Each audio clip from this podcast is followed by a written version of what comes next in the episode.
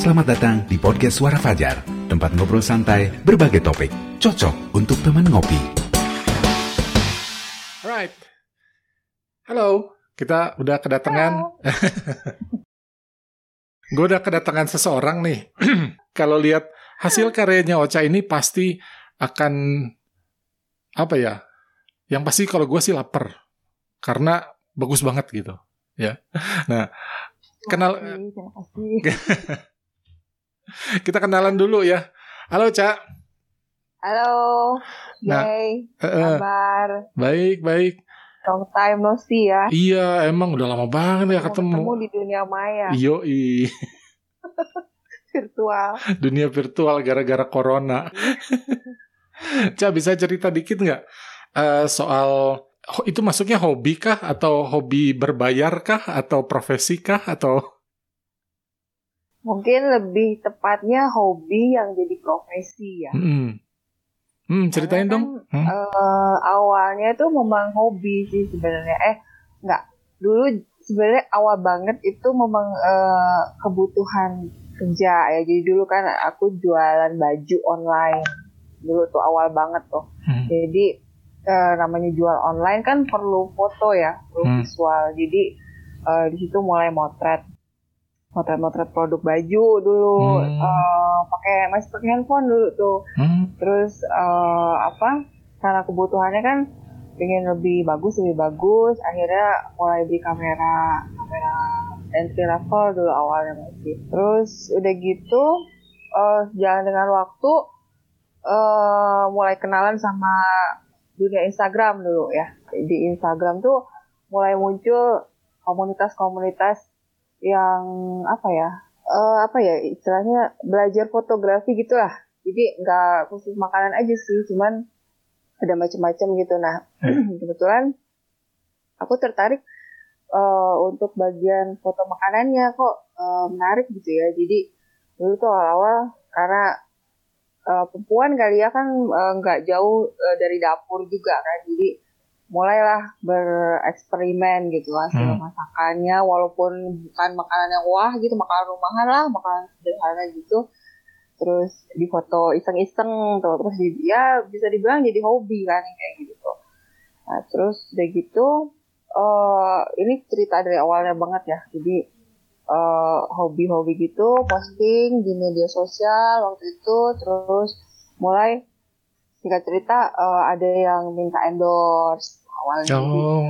dulu awal-awal udah ada yang minta endorse gitu udah seneng banget kan. Jadi Hmm. belum ada bayaran dulu. Jadi cuman barter produk aja kan. Nah jadi barter produk fotonya juga masih ala kadarnya lah. Nah terus eh, walaupun fotonya ala kadarnya gitu bisa kepake sama mereka buat mereka jualan gitu surprisingly gitu. Ternyata eh, itu membantu mereka gitu kan. Akhirnya tambah sini tambah sini makin apa ya makin penasaran buat menggali lebih dalam ilmunya gitu, ilmu fotografinya. Karena kan sebenarnya basic aku kan nggak ada sama sekali fotografi kan. Tahu lah ya kita kan kuliah di pariwisata yang Hmm. jurusan travel yang nggak ada hubungannya sama Iya, sekali benar. nggak mempelajari gitu kan. Iya. jadi eh, mulai belajar. Sekarang kan eh, apa dunia kayak gini tuh bisa belajar dari mana aja ya dari YouTube dari buku semua ada gitu. Tapi eh, apa ya mungkin belajarnya sekilas-sekilas ya kalau dari situ. Akhirnya aku ngambil em, apa namanya kursus ya kursus memang yang eh, khusus mempelajari ilmu dasar fotografi. Bukan fotografi makanan aja jadi benar-benar ilmu fotografi. Eh, boleh nyebut ininya nggak? Tempat kursusnya nggak ya? Boleh aja sih. ya udah. Waktu itu aku kursus di Angin Photo School tuh yang di Jalan itu. Terus Hmm. eh, nah aku belajar basic dari situ jadi yang tadinya belajar motret tuh memang eh, cuman pakai feeling gitu ya dengan ilmu ala kadarnya gitu. Hmm. Nah di situ tuh benar-benar aku diajarin teknis teknis dasar. Jadi eh, ya biar ngerti gitu ya. Hmm. Dari situ eh, mulai deh eh, udah tahu eh, kebutuhannya kan, kebutuhan untuk bikin foto sebuah foto yang benar tuh apa gitu dari situ kan. Mulai eh, ngerasa butuh kamera yang lebih baik, Hmm. mulai ngerasa butuh lensa yang lebih baik, uh, mulailah kecil tuh sedikit-sedikit. Nah, karena berhubung itu kan kita ngeluarin dana kan beli Hmm. yang kayak gitu-gitu kan jadi dari situ ketika ada yang minta foto mulailah kita berhitung kan maksudnya eh, nggak bisa kita kasih kayak awal dulu gratisan gitu kan karena Hmm. kita butuh eh, biaya untuk investasi itu juga kan jadi mulai di situ ngenain fee sampai sekarang bisa dibilang jadi eh, profesi ya Jadi profesi. Heeh. Ah, ah. Jadi kan Ocha ini adalah seorang food photographer ya. Ya. Sekarang ya, gitu Hmm. kan. Terus em, dalam prosesnya nih motret makanan gitu. Itu gimana? Apa itu kerja sendiri kah atau ada harus ada tim kah? Dulu awal-awal eh, yang difoto kan foto rumahan. Itu semuanya sendiri itu. Makanan eh, dan Iya. bisa jelasin dikit nggak prosesnya gimana? Iya iya kalau dulu ya karena masih sebatas hobi Hmm. ya jadi oh benar-benar masak sendiri, eh, motret sendiri, eh, beberes sendiri, makan sendiri, semuanya semua sendiri gitu kan. Jadi ya memang iseng aja gitu kan, eh, belum ada apa, tuntutan apa-apa kan. Tapi Hmm. ketika sudah menjadi sebuah profesi kan mulai ada tuntutan eh, beberapa demand dari klien ya, jadi harus ini harus gitu. Tapi awalnya memang ya bebas aja, semua dilakukan sendiri gitu. Kalau sekarang ini udah kan tadi udah udah masuk ke dalam sebutannya mungkin lebih ke profesi ya, udah profesional gitu kalau Hmm. bisa dibilang. Mm. Itu masih masih sendiri gitu, semuanya diatur sendiri eh, atau udah ada tim untuk ininya. Dan yang terlibat tuh biasanya siapa aja sih di dalam proses Kalau memotret? motret untuk klien ya, Mm-mm. terutama eh, di lokasi ya di tempat eh, si kliennya, Mm. itu eh, terakhir-terakhir ini aku udah mulai ngambil asisten Hmm, karena eh, biar lebih eh, kerjanya lebih cepat juga gitu. hmm, Terus eh, biasanya eh, mereka juga eh, suka minta sepaket. Jadi selain foto, mereka minta didesainin untuk misalnya brosur, buku menu dan lain-lain kayak gitu. Oh, oke. Nah, aku mulai minta bantuan orang yang memang kerjanya eh, di desain grafis Hmm. biasanya. Eh, Sebenarnya sih ada eh, profesi sendiri namanya food stylist buat ngebantu menata makanannya. Cuman eh, profesi itu tuh masih agak jarang sekali ya di Indonesia tuh. Jadi eh, di Indonesia ya aku bilangnya hmm. bisa dihitung lah hitungan jari beberapa orang yang memang kerjanya sebagai food stylist. Nah untuk di Bandung sendiri aku eh, belum nemu dan kayaknya nggak ada sih.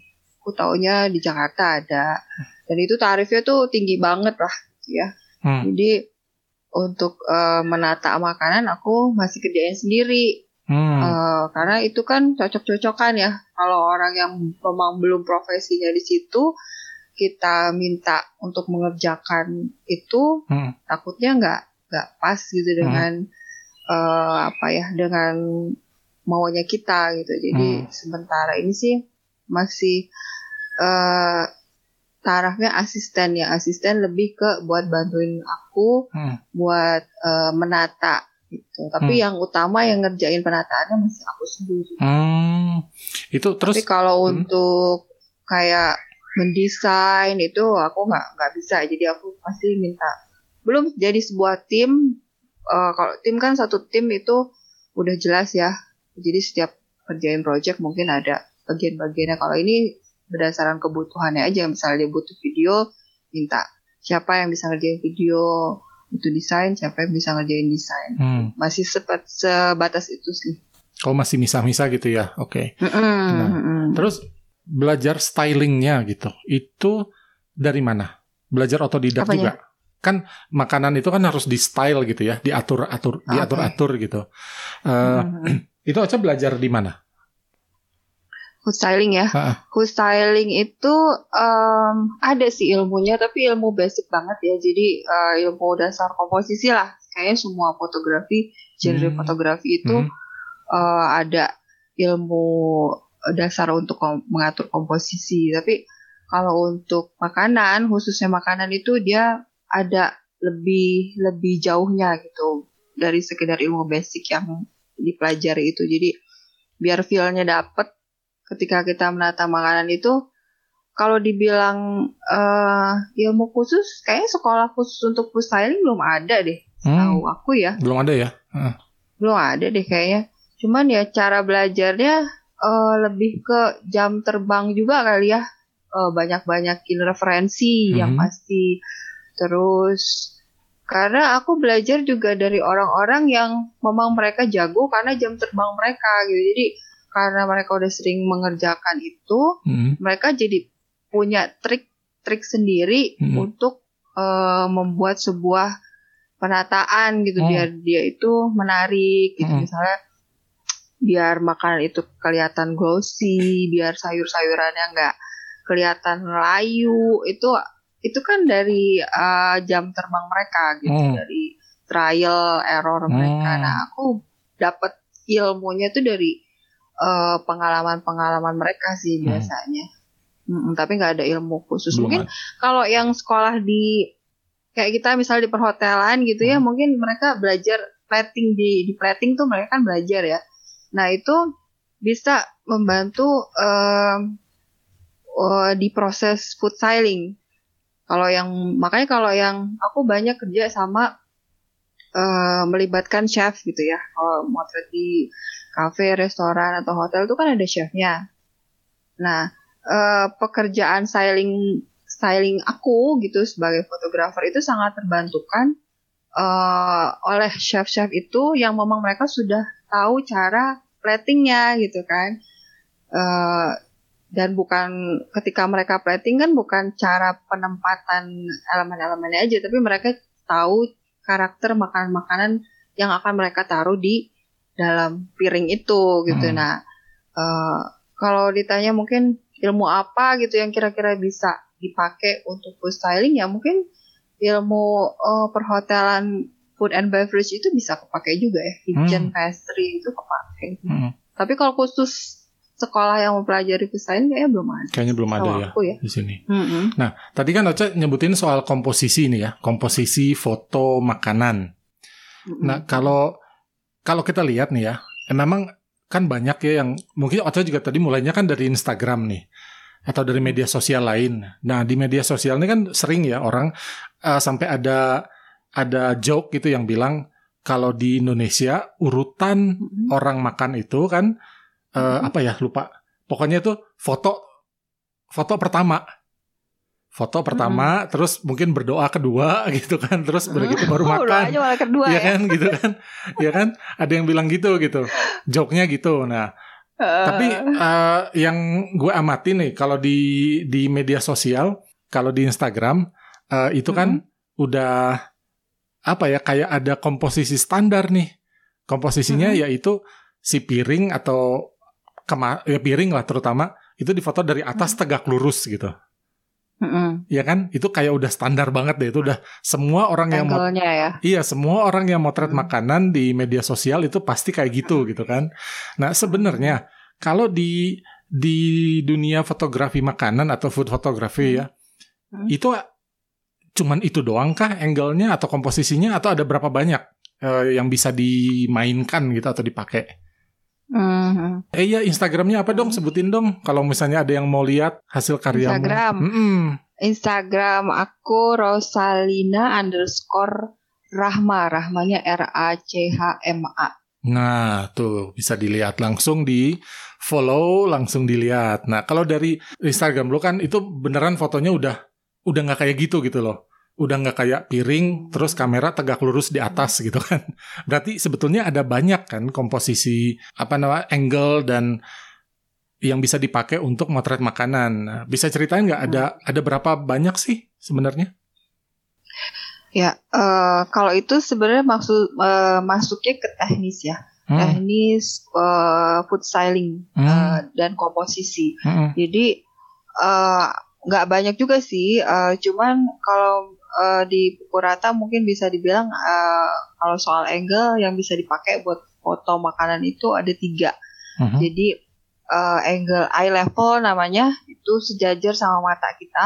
Hmm. Terus ada eh, 45 derajat. Eh, jadi 45 derajat uh, taruh 45 derajat sama satu lagi ada flat lay. Flat lay tadi yang jadi bilang jadi benar-benar dari atas 90 hmm. derajat.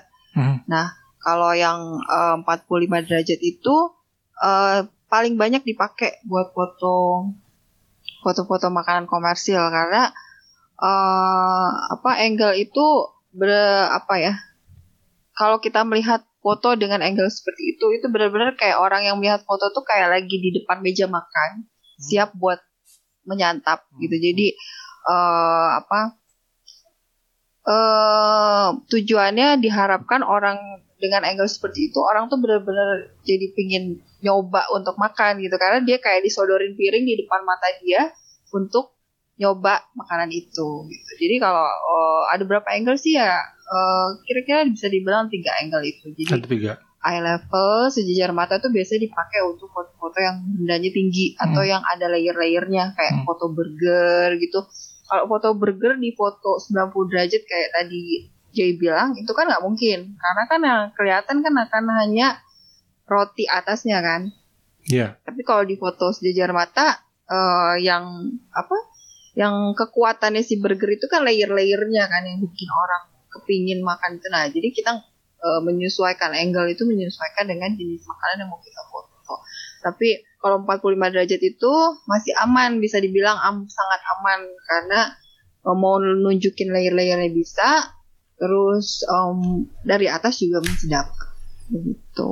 Oh gitu. Jadi jadi sebenarnya masih banyak ya. Uh, hmm. Dan yang tadi yang 4, 45 derajat itu yang paling pas gitu ya sebenarnya. Hmm. Jadi ini kan nggak hanya buat ya, sebetulnya bukan. Kalau uh, yang Kenapa tadi? Kalau yang uh, 90 derajat tadi itu istilahnya kita bilangnya flat lay ya. Kalau itu memang uh, umum dipakai di Instagram karena uh, biasanya mungkin bisa dibilang itu uh, paling Instagramable gitu ya, lebih hmm. estetik gitu. Jadi uh, bukan buat menonjolkan produknya, uh, bukan buat membuat orang kepingin makannya gitu, tapi lebih ke estetik gitu. Melihat penampilan secara keseluruhan itu menarik gitu kan. Karena kan biasanya foto-foto 90 derajat itu kan nggak uh, cuma makanannya aja kan. Kalau diperhatiin di situ ada hal-hal yang uh, mungkin bisa dibilang tidak berhubungan langsung dengan makanannya. Kayak ada majalah, handphone, ada kacamata kayak gitu-gitu kan. Lebih ke uh, estetika untuk uh, apa ya di Instagram aja biar menarik gitu. biar menarik. Iya iya. Terus uh, kalau di di ini nih di mana namanya di dunia fotografi makanan atau food fotografi ya. Hmm. Kalau kita bicara foto itu kan ada mungkin yang yang suka motret itu udah udah familiar sama teori segitiga exposure. Ya kan, ada ISO, ada aperture, bukaannya sama shutter speed. Bahkan kamera-kamera sekarang kan udah ada yang modenya tuh auto gitu itu sah nggak dipakai? Kalau misalnya gue pengen motret makanan ini udah pakai auto aja deh gitu. Bisa nggak? Uh, sebenarnya bakal bagus nggak hasilnya gitu? kalau hasilnya sih uh, bagus-bagus aja gimana orang yang mau operasikannya sih. Auto itu kan sebenarnya untuk memudahkan kita ya. Jadi uh, ketika ada mode itu bisa dipakai ya kenapa enggak gitu. Cuman uh, kalau kita motret makanan untuk uh, let's say dibilang misalnya foto itu foto komersil ya uh, foto untuk klien yang ada tuntutan-tuntutan di dalamnya gitu kan kita kan bukan sekedar hanya jepret tapi ada yang harus mau kita tonjolkan di foto itu gitu misalnya teksturnya detailnya hmm. warnanya kayak gitu kan kalau auto itu kan yang ngatur udah kameranya kan hmm. tapi kalau kita pakai mode manual kita bisa full control di kita gitu. Jadi kita hmm. mau misalnya ruang ketajamannya itu mau uh, apa mau seberapa luas gitu ya. Misalnya satu piring itu kita mau uh, apa tajam misalnya depannya aja kah? Apakah satu piring itu harus tajam semua gitu? Nah itu kan nggak bisa dikontrol kalau kita memakai auto. Hmm. Tapi ketika kita pakai manual, kita bisa mengatur hal-hal yang kayak gitu gitu. Nah makanya kalau saya sendiri sih kalau untuk uh, motret makanan lebih seringnya pakai manual. Tapi kalau misalnya mungkin foto-foto apa ya? Foto-foto di luar gitu misalnya kayak food blogger gitulah ya motret uh, cafe gitu atau influencer gitu kan. Uh, mereka nggak punya keperluan untuk detail-detail tadi kan, nggak terlalu concern di situ hmm. gitu. Nah itu kita pakai auto biar lebih cepat nggak masalah. Hmm. Hmm. Jadi ya gitu manual itu karena kita punya hal-hal yang perlu kita kontrol sendiri. Hmm. Anda masih bersama Suara Fajar. Tadi uh, Oce kan ngomong soal kalau udah motret untuk klien, dia tuh kan pasti ada demand-demand khusus ya, atau ada ada permintaan-permintaan nih, ya. Nah, uh -huh. boleh cerita nggak? Boleh di share suka dukanya apa nih? Misalnya ya suka duka selama menjadi food photographer nih apa aja sih? Suka dukanya apa suka aja? Suka dukanya ya. Ah. Uh, suka dukanya uh, dukanya apa ya? Capek ya, capek tapi kalau karena itu kita suka uh, hobi ya, suka ngerjain ini jadi capeknya itu beda dengan uh, kita misalnya kita terpaksa ngerjain gitu kan. Capek tapi seneng gitu. Terus uh, dukanya mah kalau mungkin kalau pas ketemu klien yang memang uh, apa ya bisa dibilang misalnya kasarnya cerewet gitu lah ya bawel jadi uh, atau sotoy gitu tapi biar gimana pun kita harus mengikuti mereka karena uh, apa kita kerja untuk mereka nah hmm. itu mungkin uh, dukanya kadang ada di pas momen seperti itu hmm. gitu jadi uh, kita udah foto uh, dari awal udah di pastiin konsepnya gini gini gini gini terus tau-tau pas udah foto uh, mereka berubah gitu kan jadi yang udah kita siapin di awal tuh berantakan semua lah ya hmm. konsep terus kalau kita mau terus makanan kan kita nggak cuma bawa kamera kan jadi hmm. jadi kita bawa properti kayak piring macem-macem itu kan kita bawa uh, sesuai dengan konsep yang udah kita buat di awal kan hmm. nah ketika di hari H atau di tengah uh, pemotretan si klien berubah konsep itu kan yang kita bawa jadi uh, percuma gitu kan hmm, nggak hmm. pakai lah ya jadi hmm. ya itu tuh yang kadang bikin kesal sih hmm. nah kalau ya. sukanya sukanya itu kalau aku ketika hasil kita itu bisa kita uh, apa bisa sangat bermanfaat buat mereka jadi jadi ketika mau trade misalnya kita mau trade satu menu terus uh, foto kita tuh bisa membantu penjualan mereka gitu. Jadi dari yang uh, apa sih? Uh, terutama misalnya yang baru-baru usaha gitu ya, baru-baru usaha itu kan kadang susah mereka mau ngejualnya kan. Uh, terus ketika dia pakai jasa fotografer, uh, terus hasilnya mereka pakai, terus langsung naik tuh penjualannya. Hmm. Terus mereka kan bilang ya mbak gini gini, nah itu happy banget itu sukanya sih di situ kalau aku makanan atau minuman yang paling menantang buat difoto sepanjang pengalaman? Itu makanan atau minuman apa? Makanan, makanan atau yang paling apa? Paling menantang buat difoto. Paling susah deh, paling aduh gitu loh. Hmm, paling menantang ya. Nah. Hmm, makanan Indonesia itu paling menantang. Oh iya. Paling susah. Kenapa? Oh iya. Kenapa? Karena kan tahu ya, makanan Indonesia itu kan warnanya kan nggak menarik kayak gudeg, rendang, rawon itu kan yang gelap-gelap hitam tidak menarik kan? Oh dia warnanya itu susah banget bikin. Oh ya? Uh, keluarnya warnanya kan gelap-gelap dan suwarna kan biasanya. Oh, oke. Okay. Dibandingkan misalnya kita mau terlihat makanan western yang kayak pizza, pasta, itu nggak diapa-apain gue udah cakep. Jadi oh di situ udah ada warna merah kuning hijau tuh udah ada di situ kan hmm. terus dari bentuknya tuh dia juga rustiknya tuh bagus jadi nggak perlu dia apain kita kadang motret sekali jepret dua jepret tuh udah is bagus gitu hmm. tapi pada saat kita misalnya motret rawon rendang itu berpikir keras gitu budek kan udah gitu selain warnanya sewarna hitam gelap-gelap gitu terus makanan Indonesia tuh kan cenderung mateng banget kan. Jadi dia justru enak tuh karena dimasaknya lama kan. Hmm. Jadi dia yang udah bentuknya benyek-benyek gitu gitu kan. Yang kuahnya kayak lodeh tuh misalnya semakin nyerap tuh semakin enak semakin kan ya gitu keruh, kan. ya. Uh. Ya, uh, iya kan. Tapi uh, buat foto tuh sangat gak menarik gitu. Oh. Jadi PR sendiri. Makanya kita kalau mau motret uh, apa uh, kayak sayur-sayuran gitu makanan Indonesia kayak sayur lodeh atau apa itu biasa kita minta cara masaknya itu uh, beda. Jadi nggak uh, seperti um, pas mereka jual atau mereka sajikan. Jadi ada beberapa makanan yang minta dimasakkan misalnya setengah matang Hmm. gitu biar masih ada warna sayur warna hijau dari sayurnya atau warna merah dari cabenya atau dari mana gitu kan.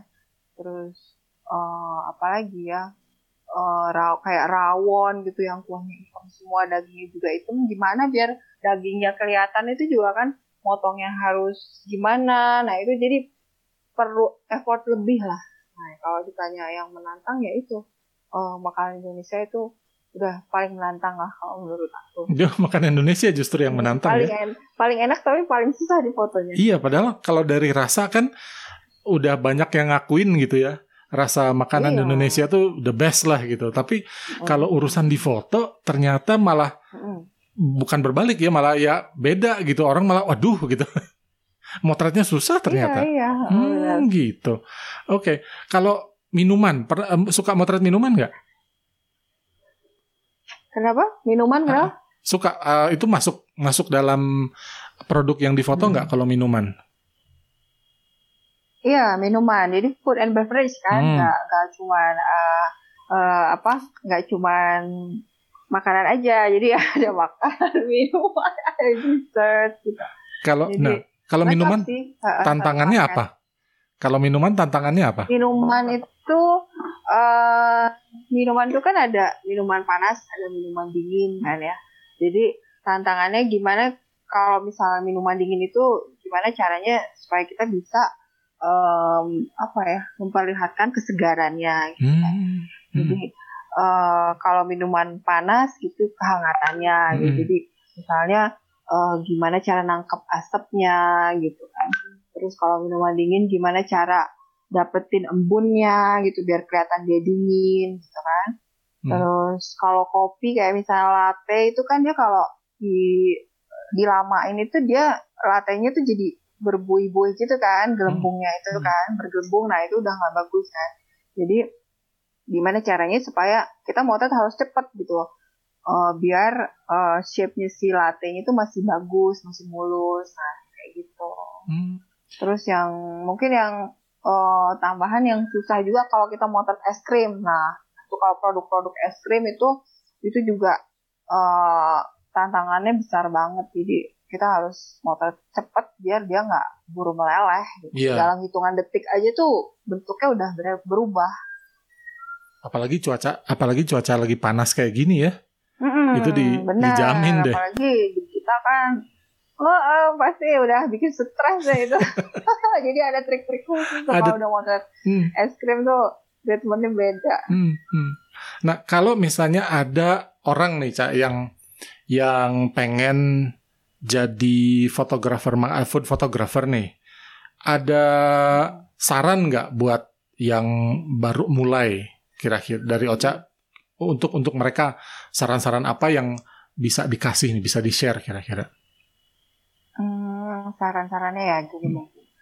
Jadi eh, aku lihat sekarang tuh yang eh, mau nyoba eh, motret makanan itu lebih eh, concernnya ke tampilan gitu, ke estetiknya. Padahal eh, tujuan utama kita motret makanan itu bukan itu sih kalau menurutku. Jadi tujuan utama itu gimana bikin foto makanan kita itu bisa bikin orang kepingin makan. Jadi concernnya harusnya ke makanannya, bukan ke eh, apa tampilan secara keseluruhan. Jadi misalnya propertinya, gitu Hmm. kan. Jadi sering banget ada yang eh, curhat lah ya, ke aku bilang eh, pingin motret makanan tapi nggak punya properti gitu kan. TOC banyak banget propertinya enak gitu. Sebenarnya eh, bukan itu ya utamanya. Eh, kalau mau apalagi eh, pemula-pemula ya kan. Kalau misal dia lihat saya propertinya banyak itu karena memang udah ngumpulinnya juga udah lama gitu. Jadi dan itu bertahap sesuai kebutuhan aja. Misalnya butuh piring warna ini bentuknya ini nah itu eh, baru gitu kan dibeli. Tapi kalau misalnya buat pemula-pemula tuh apa concernnya jangan ke situ dulu gitu. Jadi matengin dulu ilmu fotonya gitu. Hmm. uh, pencahayaan kayak gimana gitu kan. Baru uh, penataannya gimana gitu. uh, bukan juga misalnya jirnya gitu. Kadang selain tadi curhatannya soal properti kadang soal jir juga. Jadi aduh aku cuma pakai handphone gitu misalnya. Atau aku kameranya masih kamera yang pemula entry level yang masih begini-begini. Atau aku punyanya cuma lensa ini gitu. Jadi uh, takutnya nggak bagus. Padahal nggak sih kalau menurutku. Uh, banyak orang yang memang kalau udah punya ilmunya gitu dan menguasai soal soal pencahayaan itu dia motret pakai handphone itu juga bisa bagus banget loh. Jadi uh, bukan ke situ gitu concernnya. Hmm. jadi kalau mau memulai uh, apa beralih ke fotografi ya mungkin uh, kalau menurutku uh, belajar soal cahaya itu yang nomor satu. Hmm. Jadi mau belajarnya otodidak itu banyak banget yang ngebahas lah di YouTube tinggal cari lah. Uh, kalau misalnya atau misalnya dari buku referensi-referensi atau kayak musim sekarang tuh banyak banget yang ngadain webinar-webinar Zoom hmm. uh, melalui Zoom itu free banyak banget itu itu yang ngebahas itu diikutin aja gitu jadi matengin ilmunya dulu baru kita mikir ke uh, estetik hmm. so, jadi karena kalau kita udah megang ilmu dasarnya, itu nanti kita uh, mau bikin apa juga bisa. Mau kita ketemu pengakalinya harus gimana. Tapi kalau concernnya udah ke uh, tampilannya dulu, jirnya dulu, padahal ilmu dasarnya belum punya, itu nanti mentok gitu kalau menurutku ya. Gitu. Oke.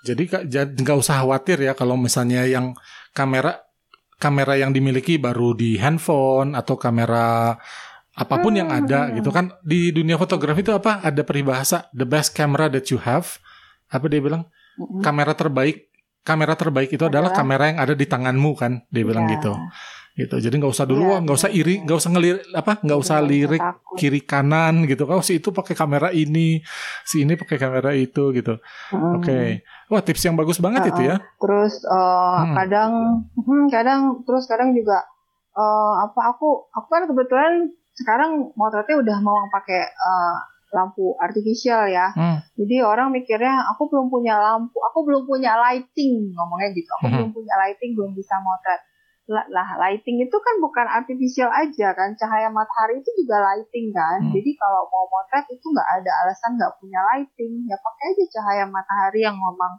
dari pagi sampai sore itu ada gitu kan hmm. tinggal kita gimana caranya bisa bagus dengan uh, motret pakai cahaya matahari nah itu ilmunya yang harus kita pelajari hmm. kayak gitu jadi eh, nggak uh, ada alasan lah uh, apa um, jangan nunggu motret kalau jirnya udah bagus, propertinya udah banyak, udah punya lampu, nah uh, jangan kayak gitu. Hmm.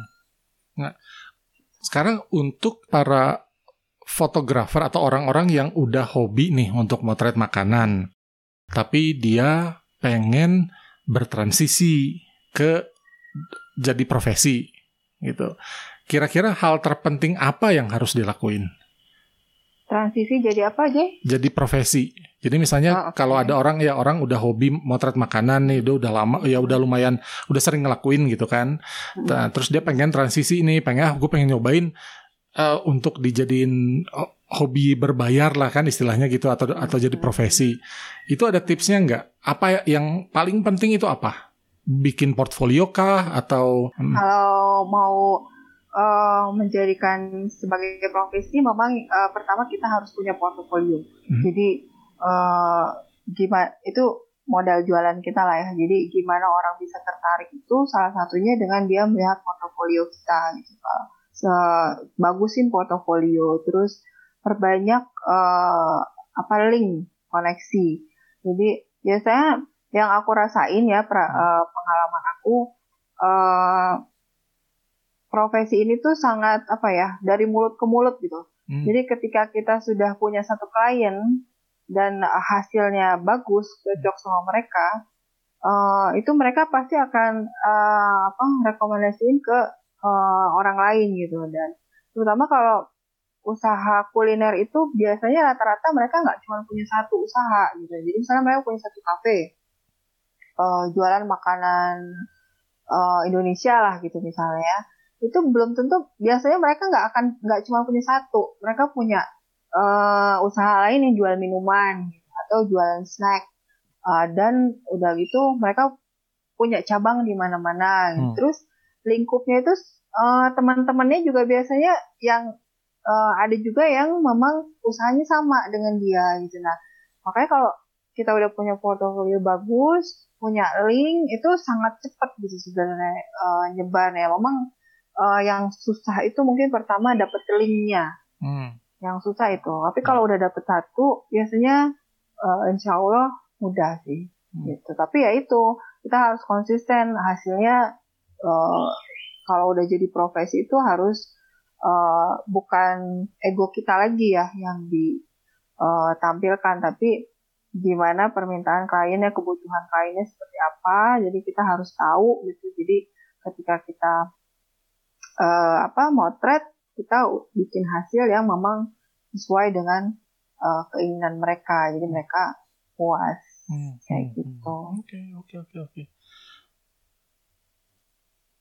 Kemudian ini nih kalau misalnya ada yang butuh temen belajar nih, ya hmm di Indonesia atau di lebih khususnya di Bandung ada hmm. komunitasnya nggak uh, fotografer mak fotografi makanan ini atau ya fotografi secara umum atau fotografi makanan ada uh, ininya banyak ya setahu hmm. aku hmm. kemudian kalau aku sendiri karena aku pemakai Sony hmm. jadi uh, ada komunitas sendiri namanya Alvarian hmm. dari Sony Alpha ya hmm. nah itu uh, dari uh, Das Alvarian itu dia ada macam-macam mulai landscape, uh, foto ke fotografi uh, apa itu namanya makro, hmm. terus potret, termasuk produk sama food. Nah hmm. itu uh, ada genre-genrenya. Jadi uh, di situ bisa gabung tuh di situ. Nah di situ karena uh, di komunitas itu suka banyak yang sharing gitu loh, berbagi hasil foto sama uh, tips tips sama behind the scene-nya hmm. kadang suka dibahas di situ jadi hmm. Lumayan buat kita belajar dari hmm. situ terus kayaknya eh, nggak uh, Sony aja sih semua merek kayaknya punya deh grup kayak gitu kayak Fuji juga kayaknya ada Fuji Fuji apa ya Fuji Girl Fuji apalah gitu hmm. kayak gitu ada Canon juga ada setahu aku jadi uh, eh, FB Instagram juga ada banyak banget sih Jay kalau mau cari komunitas untuk belajar fotografi sekarang mah. Hmm. Kalau yang khusus hmm. makanan uh, nggak ada, maksudnya dia pasti gabung bagian dari uh, komunitas fotografi secara umum ya. Mm -mm, hmm. Tapi kalau ya yang aku tahu di Sony hmm. dia di, ada komunitasnya dibagi-bagi oh, spesifiknya, ya, sesuai spesifikasinya. Jadi misalnya food and still life masuk ke grup ini uh, yang suka landscape masuk ke sini, yang suka toys, yang suka makro masuk ke sini. Jadi lebih nyambung gitu lah ya antara member uh, berbagi. Ya. Kalau ini cak, kalau di fotografi ya, kan hmm. ada tokoh-tokohnya nih, kayak fotografi landscape itu yang gue tahu uh, hmm. kayaknya semua orang, bukan semua orang sih, nggak ada yang nggak kenal sama Ansel Adams gitu kan. Hmm. Terus kalau foto untuk portrait gitu kalau di Indonesia mungkin ada Om Darwis ya. Om Darwis Triadi hmm. kan gitu. Kalau food photography itu uh, ada ininya nggak sih kalau di Indonesia ada apa ya? Um, figurnya nggak?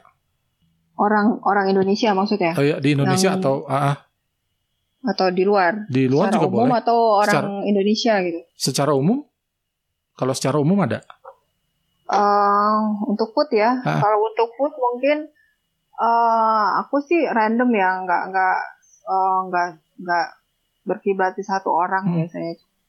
Uh, kecuali mungkin untuk food styling. Kalau food styling, uh, aku banyak uh, mengambil referensi dari namanya Pak Puji Purnama. Dia tuh food hmm. stylist uh, Indonesia ya, hmm. yang mungkin food stylist nomor satu di Indonesia kalau aku bilang jadi yaitu untuk uh, styling makanan Indonesia uh, bagus banget sih jadi nggak karena tadi aku bilang kan foto mak makanan Indonesia itu kan nggak gampang Hmm. jadi untuk yang bisa styling makanan Indonesia itu juga sangat jarang gitu Hmm. nah aku, eh, Pak Puji Purnama ini menurutku eh, apa ya yang paling pas yang paling dapet lah feelnya ketika dia eh, menstyling foto makanan gitu.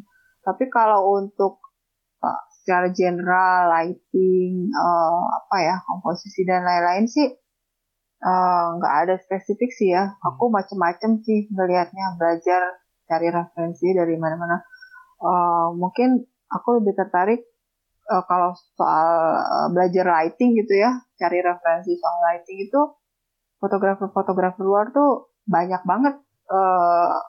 Nggak mes- eh, ya untuk fotografi juga banyak gitu kayak eh, yang Rusia Rusia itulah namanya aku nggak hafal yang banyak pokoknya. Di YouTube tuh banyak banget itu eh aku sering yang lihat tuh yang orang Rusia orang Rusia itu namanya siapa sih aneh-aneh gitu lah Hmm. pokoknya tapi dia tuh sangat detail banget ngajarin soal lighting gitu dari Hmm. mulai natural light atau artificial light itu dia ajarin eh, apa dia peragain dia demoin itu sangat detail jadi macam-macam sih nggak ada spesifik satu orang kecuali untuk freestyling makanan Indonesia tadi Hmm. aku bisa sebutin satu nama Hmm. Kayaknya ini jatah time-nya juga sudah mau habis. Ah, udah udah sejam gitu Eh, hampir sih. Thank you banget udah sharing ya, thank you banget udah cerita. Oh, terus kalau mau follow di Instagram tadi apa namanya? Instagramnya Eh, sebutkan lagi. Instagram Rosalina underscore Rahma Ah, Rahmanya R A C H M A Terus kalau ada yang mau mau belajar ke Oca diterima nggak? Oh diterima banget, Diterima banget. gitu. Biasanya kalau lagi nggak covid gini aku suka bikin workshop. Cuman Ah, karena lagi covid gini kan nggak memungkinkan jadi eh, apa banyak yang minta bikin online sih. Cuman eh, belum belum kepegang untuk saat ini karena eh, apa ya sebenarnya aku lebih struck ngajarin tuh offline. Kalau online tuh takutnya nggak maksimal. Cuman Hmm. Ya karena nggak memungkinkan juga kan eh, cuman lagi berusaha juga sih mau nyoba nyusun materinya kalau online biar efektif gimana. Tapi Hmm. sementara kalau misalnya ada yang mau nanya-nanya tuh bisa aja eh, DM aja ke Instagram aku. Biasanya mereka juga pada eh, DM nanya-nanya gitu eh, welcome banget sih. Oke, kalau bisa dijawab ya dijawab. Siap. Oke, thank you banget ya udah sharing di sini dan yang udah dengerin juga thank you banget udah dengerin dan jangan lupa follow IG-nya Ocha ya dan sampai ketemu lagi di episode berikutnya. Terima kasih telah bergabung di sini. Nantikan episode berikutnya. Semoga selalu sehat dan stay tune di Suara Fajar.